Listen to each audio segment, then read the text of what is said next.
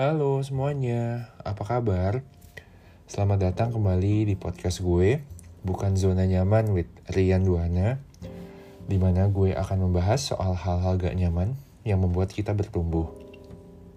Pertumbuhan itu pasti gak nyaman dan harus disengaja, karena kalau nyaman bukan berarti aman. Hari ini, gue mau ngebahas satu hal yang gak bisa lepas dari namanya kesuksesan, keberhasilan, dan juga pertumbuhan, yaitu kritik dan penolakan. Nah, pasti sering banget kita alamin dalam hidup kita, apalagi kalau mungkin teman-teman yang ngedengerin di sini ada yang kerja di bidang kreatif. Gak semuanya akan ngerti ide kita, gak semuanya akan ngerti sama proposal kita mungkin ya orang nggak ngerti itu pasti akan kasih negatif comments, kritik dan juga ditolak. Ya, ada istilah yang bilang kalau untuk mendapatkan satu ya, pasti kita harus mengalami seribu penolakan dulu. Dan ya meskipun kita tahu bahwa mungkin yang namanya kritik dan penolakan itu baik untuk kita, tapi dasarnya kita sebagai manusia ya nggak suka yang namanya dikritik. Jadi, gimana sih caranya kita bisa punya mental yang tangguh untuk menghadapi penolakan atau kritik? Gue pernah mention di episode gue yang pertama, ada tiga cara yang menurut gue bisa kita coba apply ketika kita mengalami kegagalan. Yaitu yang pertama, kom, uh, punya komunitas yang mendukung. Terus kedua, kita mesti memperhatikan input yang masuk. Dan ketiga, we need to guard our self-talk. Di episode kali ini, gue pengen sharing lebih mendalam tentang bagaimana cara kita untuk menjaga self-talk kita. Karena yang pernah gue mention juga sebelumnya, waktu kita mengalami kegagalan, atau kritik, atau penolakan, ya kita nggak akan selalu sama teman kita, atau keluarga kita, atau komunitas kita. Kita pasti akan menghadapinya sendirian.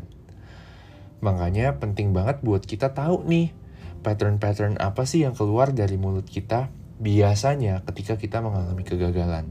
Sehingga kita tahu gimana cara untuk mengcounternya.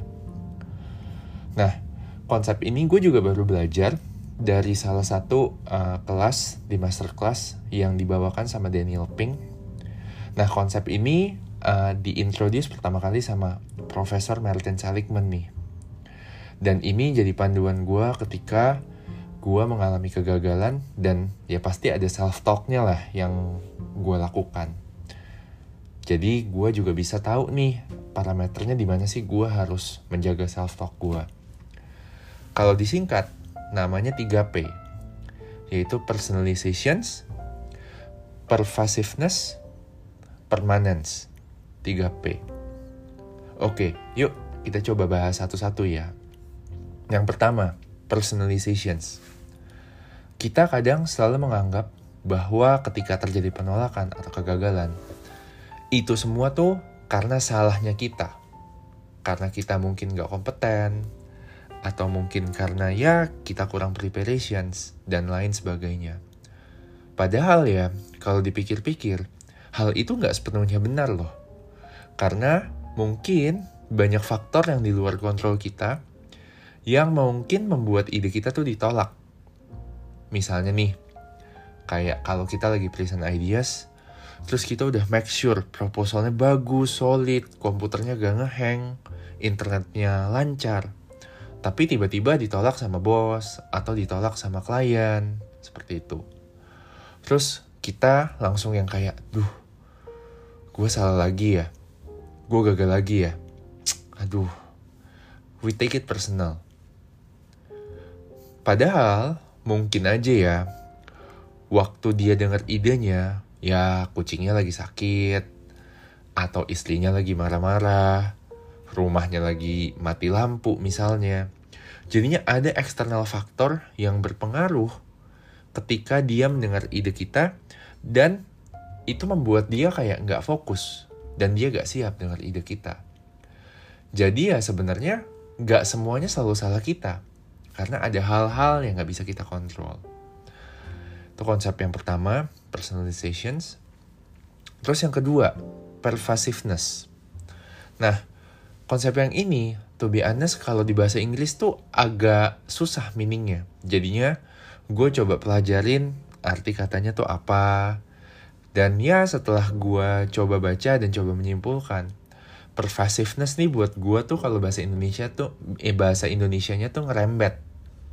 Nah, jadinya eh, ibaratnya kayak gini nih, misalnya nih, kita lagi ngalamin kegagalan, terus kita langsung mikir hal-hal yang negatif dan ngerembet ke hal-hal yang lain yang padahal ya belum tentu gagal. Misalnya nih, dalam konteks yang tadi, kita lagi mau coba jual ide kita ke bos, terus ditolak. Terus kita mikir kayak, aduh, ide ini gagal nih. Aduh, ntar siang gue mesti ada satu hal lagi. Gagal lagi deh gue. Aduh ntar sore gue mesti bikin proposal. Gimana ya caranya? Aduh gagal lagi deh gue. Jadinya karena satu kegagalan jadi ngerembet ke banyak hal. Nah itu tuh juga sering banget kan kita utarakan dari mulut kita. Dan yang ketiga uh, kalau yang tadi kedua pervasiveness. Nah yang ketiga permanence. Nah ketika kita gagal ya udah apa yang ada di kepala kita kita selalu ngerasa bahwa situasinya tuh permanen dan gak bakal bisa dirubah. Makanya kalau misalnya kayak kita gagal, kita selalu bilang kayak, ah udah deh, pasti deh selalu begitu. Kalau gue ngejalanin hal ini, pasti ditolak lagi, pasti gagal lagi. Kalau gue coba lagi, hasilnya pasti selalu sama aja. Dan lain sebagainya. Dan ya setelah gue refleksiin, emang bener sih kadang-kadang uh, ketika gue mengalami kegagalan, apalagi kalau sebagai seorang leader, self blamingnya tuh gue biasa tinggi banget. I always take it personal. Dan yang ngebuat gue jadi kayak, aduh, situasinya ini bisa dirubah gak ya? Susah deh pasti. Langsung negative thinking. Langsung kayak ngerasa situasinya tuh gak bisa dirubah. Permanen.